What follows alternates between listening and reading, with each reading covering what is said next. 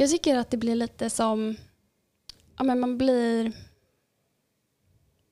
det är ju ens personlighet liksom till slut. Alltså man blir Ja. sin ångest nästan. Ja men precis som att jag säger att jag är Hanna så är det så här, jag har ångest. Mm. Liksom. Att man är lite så. Nej men alltså för vad jag än ska göra på en dag så är ju ångesten med. Det är precis liksom lika naturligt som att man andas. Lika naturligt som det kommer så hänger ångesten också där liksom.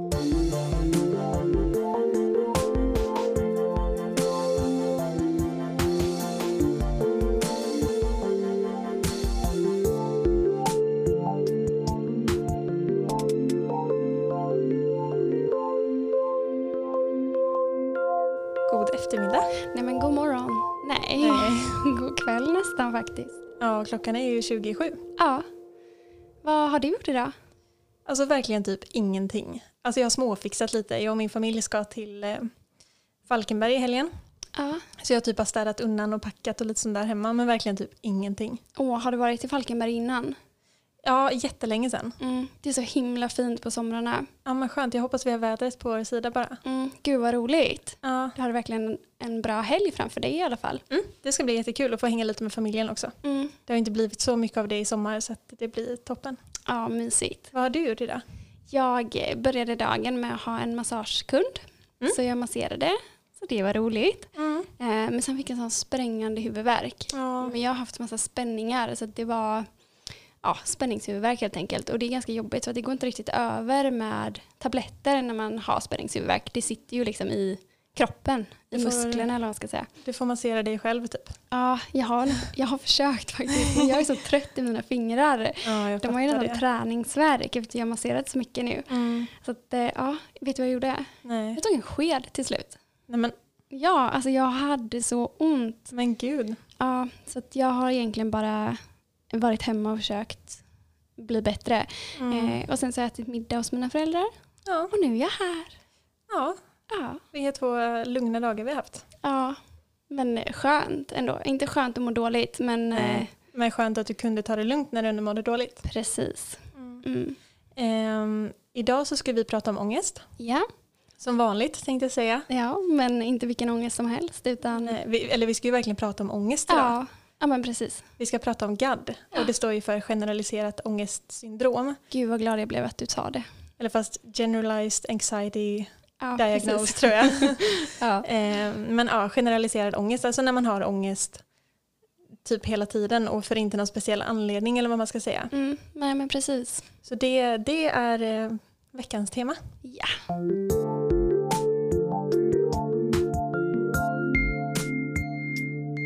Men om vi börjar på att bara gå in så här vad, vad GAD är för någonting. Mm.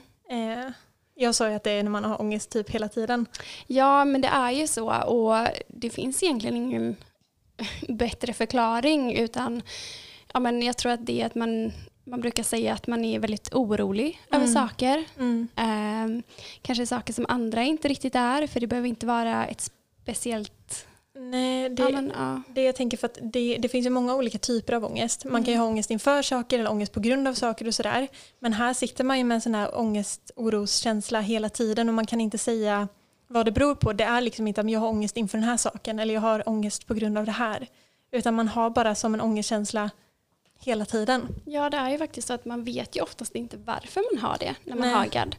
Exakt. Och den ångesten också som man kan få inför saker eller på grund av saker blir ofta också förstärkt när man har GAD. När det väl kommer Ja, specifika saker. allt i livet blir nästan snäppet värre för Mm. att man är redan uppe på en nivå Ja, som man egentligen inte borde vara på. precis. Och så tar man samma steg som alla andra bara att man redan är snäppet över. Liksom. Mm. Så att, eh, ja, ångest hela tiden. Mm. Eh, och det har ju både du och jag erfarenhet av. Har du fått diagnosen GAD? Ja, det har jag. Ja. Eh, Jag tror dock inte att jag skulle säga att jag har det idag. Nej. Eh, För det var väldigt många år sedan jag hade det. Mm. Eller fick diagnosen. Men ja, jag är diagnostiserad med det. Mm. Och ja, men det är verkligen som vi säger. Allting blir snäppet värre. Och Ja, mår ständigt dåligt gör man ju. ja. Alltså det man kan ju aldrig riktigt slappna av. Nej. Det är alltid... Och sen tycker jag att det är en lite så här oförståelse för att det är ju ingenting riktigt som ses utåt. När man har en panikångestattack till exempel då får man ju panik. Ja, det syns ju att man mår skit. Ja, man hyperventilerar och liksom Ja. kräks och allt det möjligt. blir fysiskt liksom. Ja, men när man bara har Ja, när man bara har ångest helt enkelt. Då syns det ju oftast inte. Men man kanske är lite tröttare, man vill inte titta på lika mycket som andra.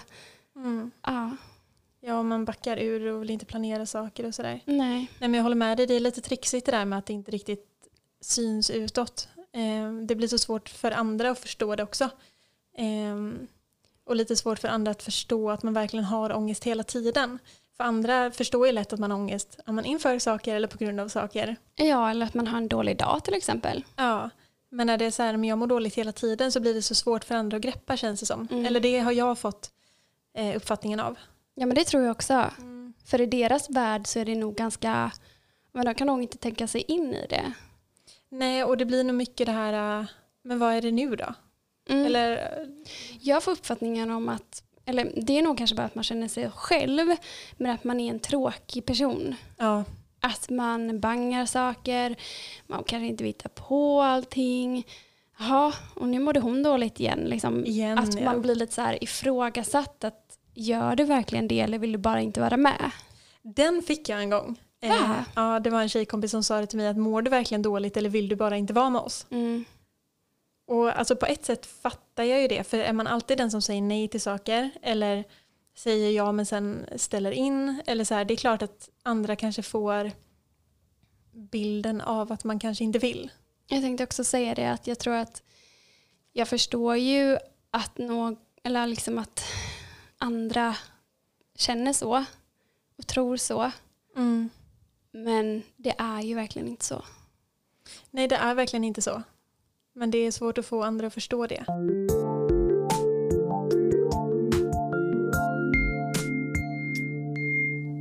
Men grejen är att det är så himla många symptom också av det här. Verkligen, det är det. Eh, om man läser ut efter vad 1177 säger så är det en del symptom som är att man har svårt för att känna sig trygg. Man eh, har svårt för att koppla av och att man är väldigt orolig då och ser alla situationer som en möjlighet till en katastrof. Ja. Ja, mm, check på det. Ehm, och att det inte bara behöver vara för att det händer någonting, att någon är sjuk i familjen eller att så. Men om det skulle vara så så får man väldigt snabbt de katastroftankarna. Mm. Att gud nu kommer den här personen dö. Eller oj nu var chefen kanske lite på dåligt humör och då tror man att det handlar om en själv och att Nu kommer jag få få sparken. Ja. Ja. Det, mm. eh, men mycket att man går runt och oroar sig för saker helt enkelt. Det står inte så mycket mer. Eh, men att man ska ha haft det i ungefär sex månader. Mm. Eh, Jag tänker att det är nog ganska svårt att veta när man har det och inte. mm. Ifall man bara tror att man är lite nojig typ. Men lite nojig eller att man är inne i en liten dålig period. Alltså, så är livet för alla. En berg och dalbana. Ja men så är det ju, man har ju dåliga perioder ibland. Mm. Och sen är vi ju alla så olika också. Att någon kanske vet med sig att man är lite känsligare än andra. Ja. Och då kanske man bara tror att det är det. Medan det kanske egentligen bottnar sig i en gadd. Liksom. Ja, det är lite svårt också för det känns som att det, det är lite svårt att göra någonting åt det. Mm. Vad man ska göra när man hela tiden går runt och mår dåligt. Liksom. Mm. Det finns ju antidepressiva läkemedel, men Det gör det. Som kan vara en väldigt bra hjälp där. absolut. Mm. Eh, jag har ju det och det har ju hjälpt mig Mm.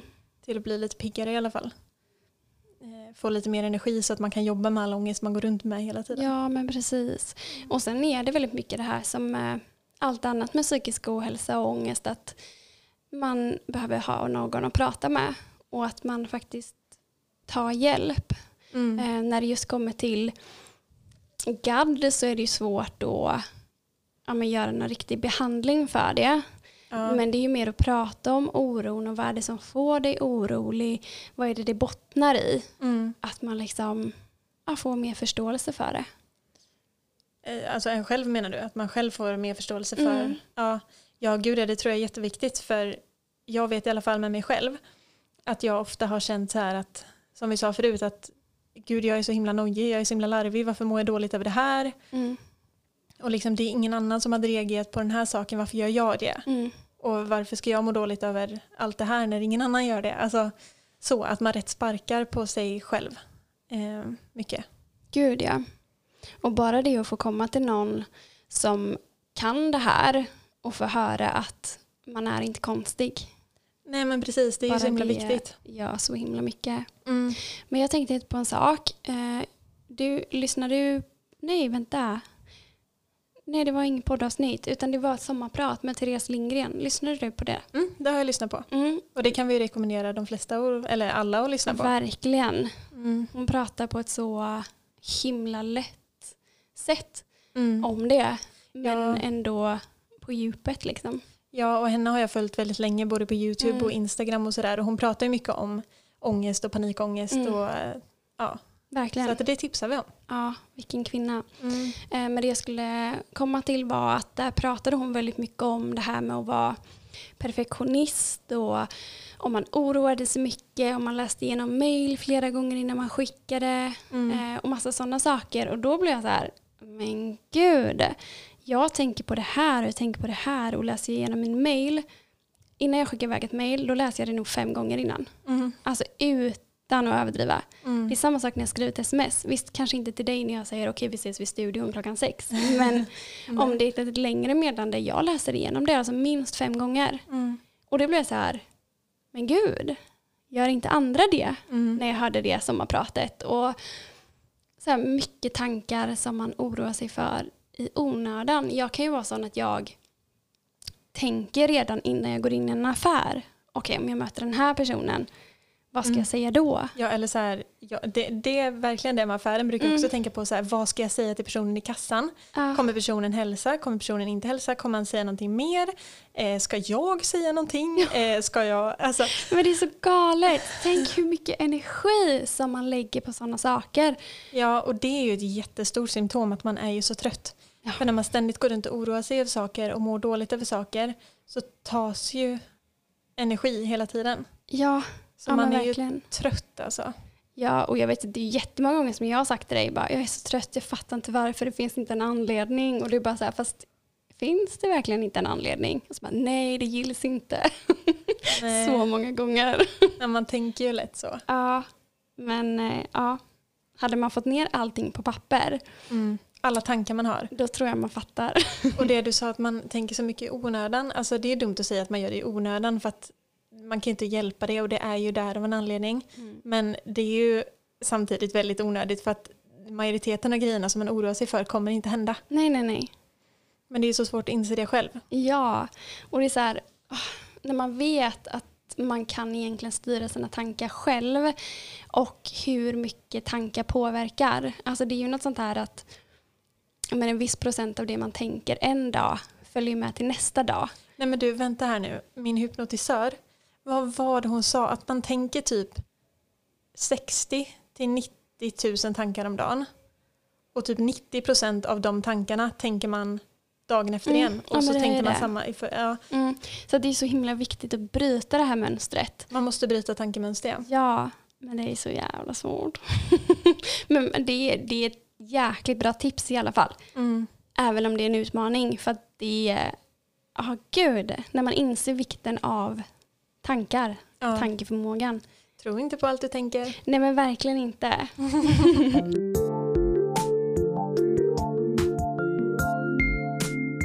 men vi båda har ju erfarenhet av det här. Ja. Men skulle du vilja beskriva lite hur det påverkar dig i ditt vardagliga liv? Alltså enkelt sagt, om jag ska svara på frågan kort så kan jag säga att det påverkar allt. Mm. Men eh, riktigt så kortfattat ska det inte vara. Men det är lite svårt att förklara hur det påverkar för att det påverkar verkligen allting. Eh, Jag tycker att det blir lite som, ja men man blir,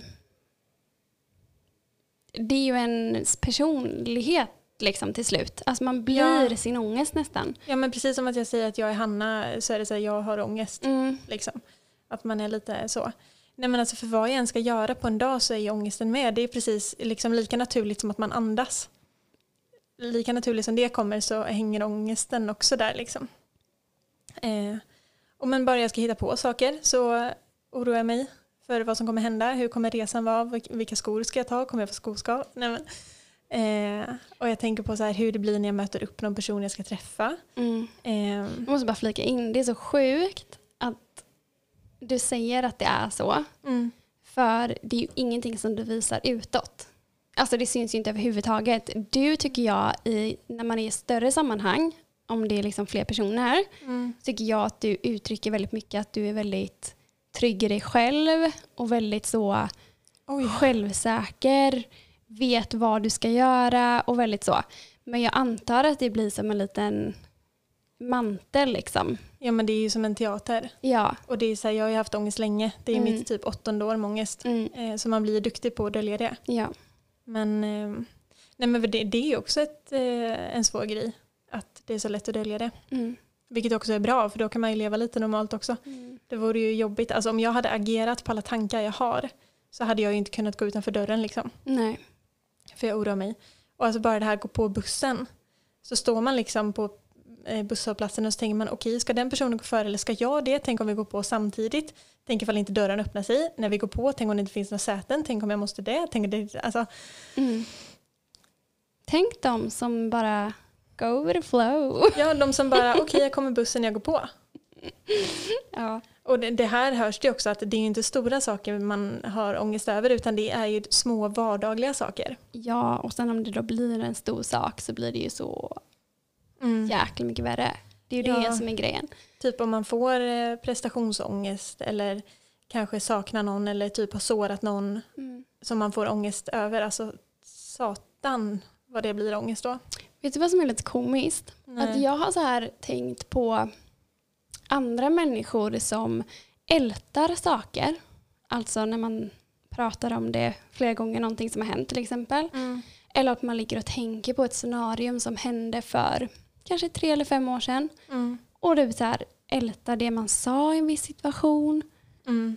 Jag bara tänkte att va? Vad Mm. är det för konstiga människor liksom? Hur Ja. kan man lägga energi på något sånt? Men sen har jag insett att jag är mer och mer så. Ja. Kan ligga där innan jag går och lägger mig och tänker på en situation när jag pratade med någon i telefonen för en vecka sedan eller två veckor sedan och bara Mm. så här, fan jag borde ha sagt det här. Och nu kan jag inte ringa upp och säga det. Nej och Och varför sa jag inte så? Och Ja, Undrar vad den personen tänkte när jag sa det. ja, jag har blivit en sån där konstig människa. Men det är ju inte konstigt, det är säkert jättevanligt. Det är Men jag tror att jättevanligt. det är extra vanligt om man har generaliserad ångest. mm, det tror jag också. Mm. Eh, Men ett exempel på väldigt nyligen som det har ställt till det för mig är att jag har precis blivit kallad till en jobbintervju. Mm. Åh herregud. alltså det är en sak som är ganska normalt att ha ångest inför. Ja, gud ja. Men jag har sån grov ångest inför det. Kan du inte berätta hur dina tankar går? Nej men jag vet inte riktigt om de ens går. Det är bara trafikstopp liksom. Ja. Och jag ska, liksom, jag ska till ett nytt ställe. Jag ska ta bussen eller spårvagnen till ett ställe jag aldrig har varit på. Jag vet inte vart butiken ligger i det här köpcentrumet. Hur hittar jag från hållplatsen till köpcentrumet och sen hur hittar jag butiken där inne? Vem ska jag gå fram till? Jag minns typ inte vad personen som jag ska prata med heter. Sen ska jag sitta och bli frågad saker. Alltså tänk om jag säger saker som inte är bra.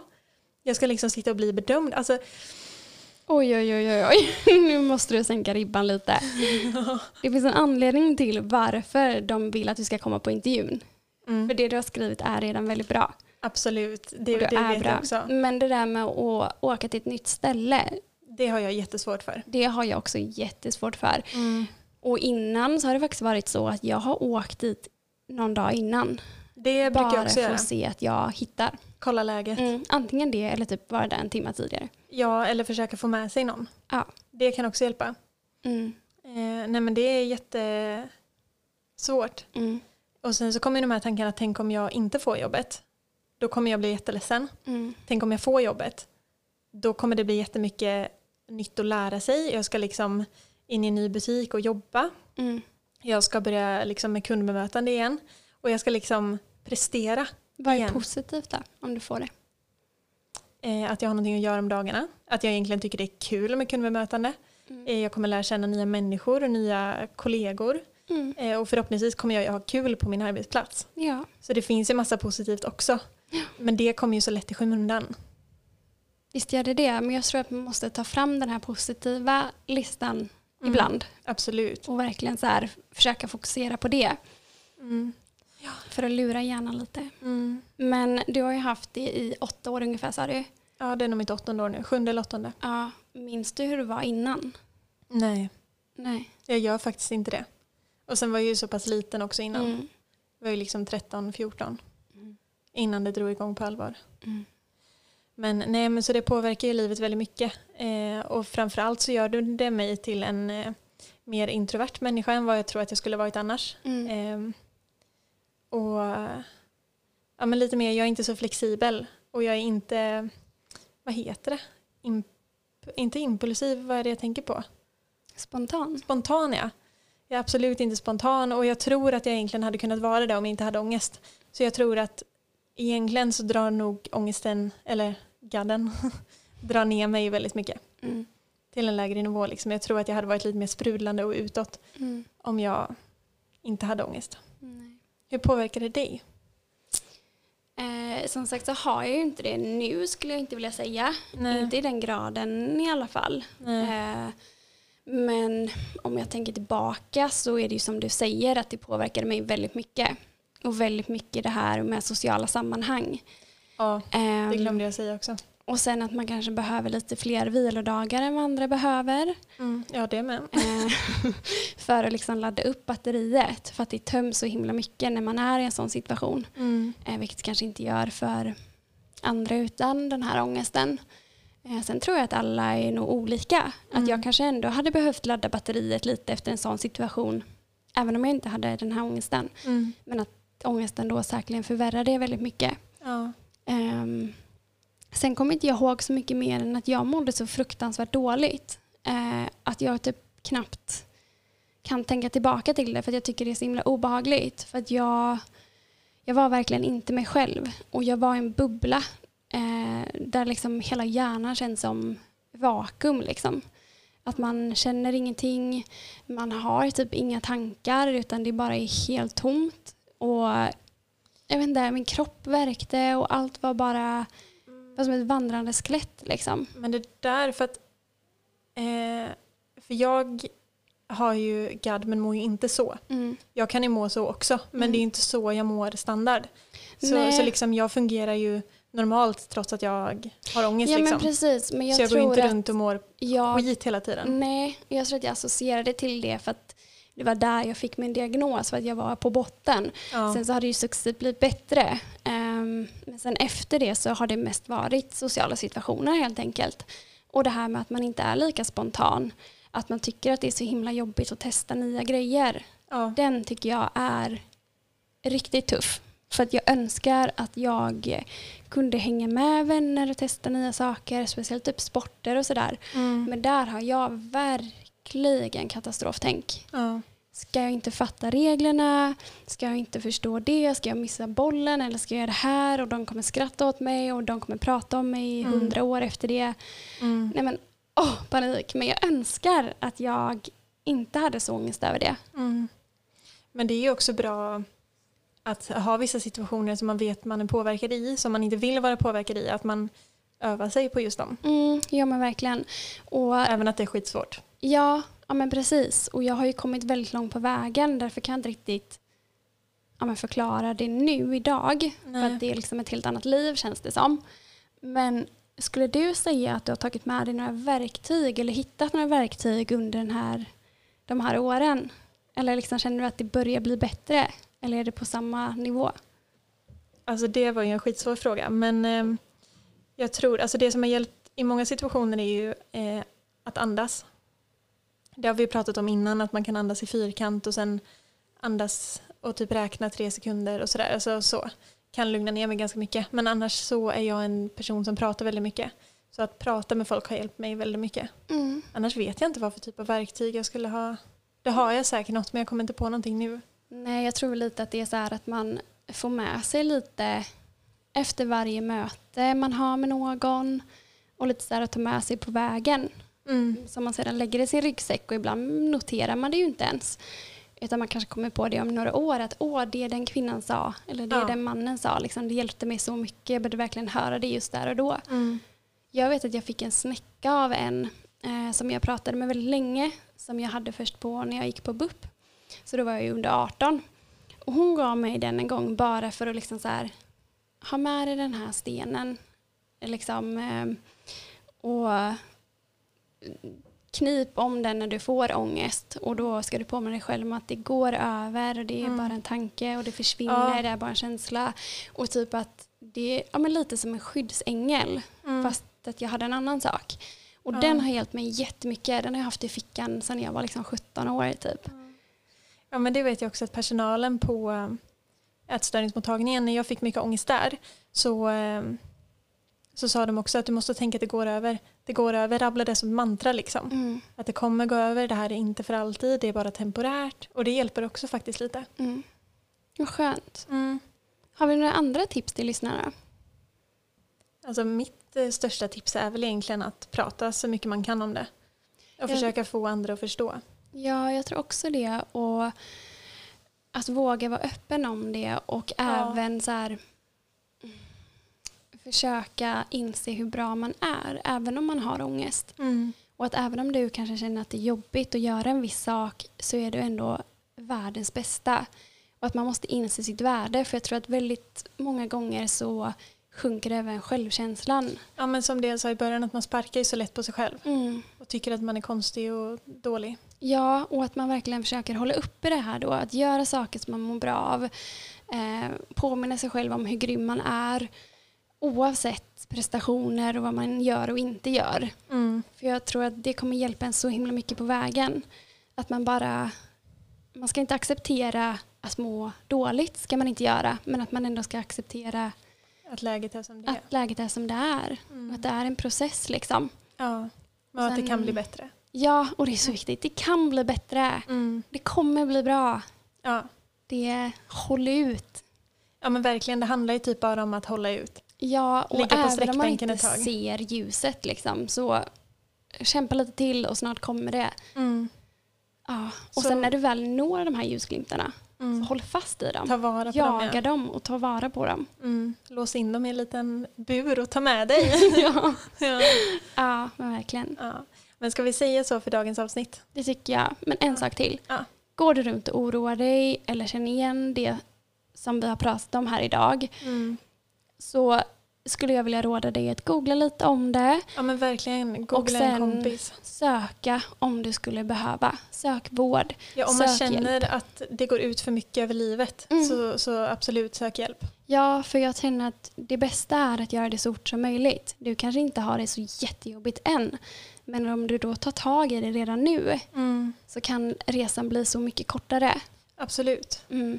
Jättebra. Och det behöver inte alltid vara att man ska gå till en psykolog eller gå till en vårdcentral och liksom öppna upp sig. Utan det kan ju vara ja, men dels det här nätet. Där finns det olika chattar. Ja det finns ju massa Google. forum. Vänner, skolsyster, ungdomsmottagningen. Men även så finns det ju väldigt många bra appar nu. Ja det är det.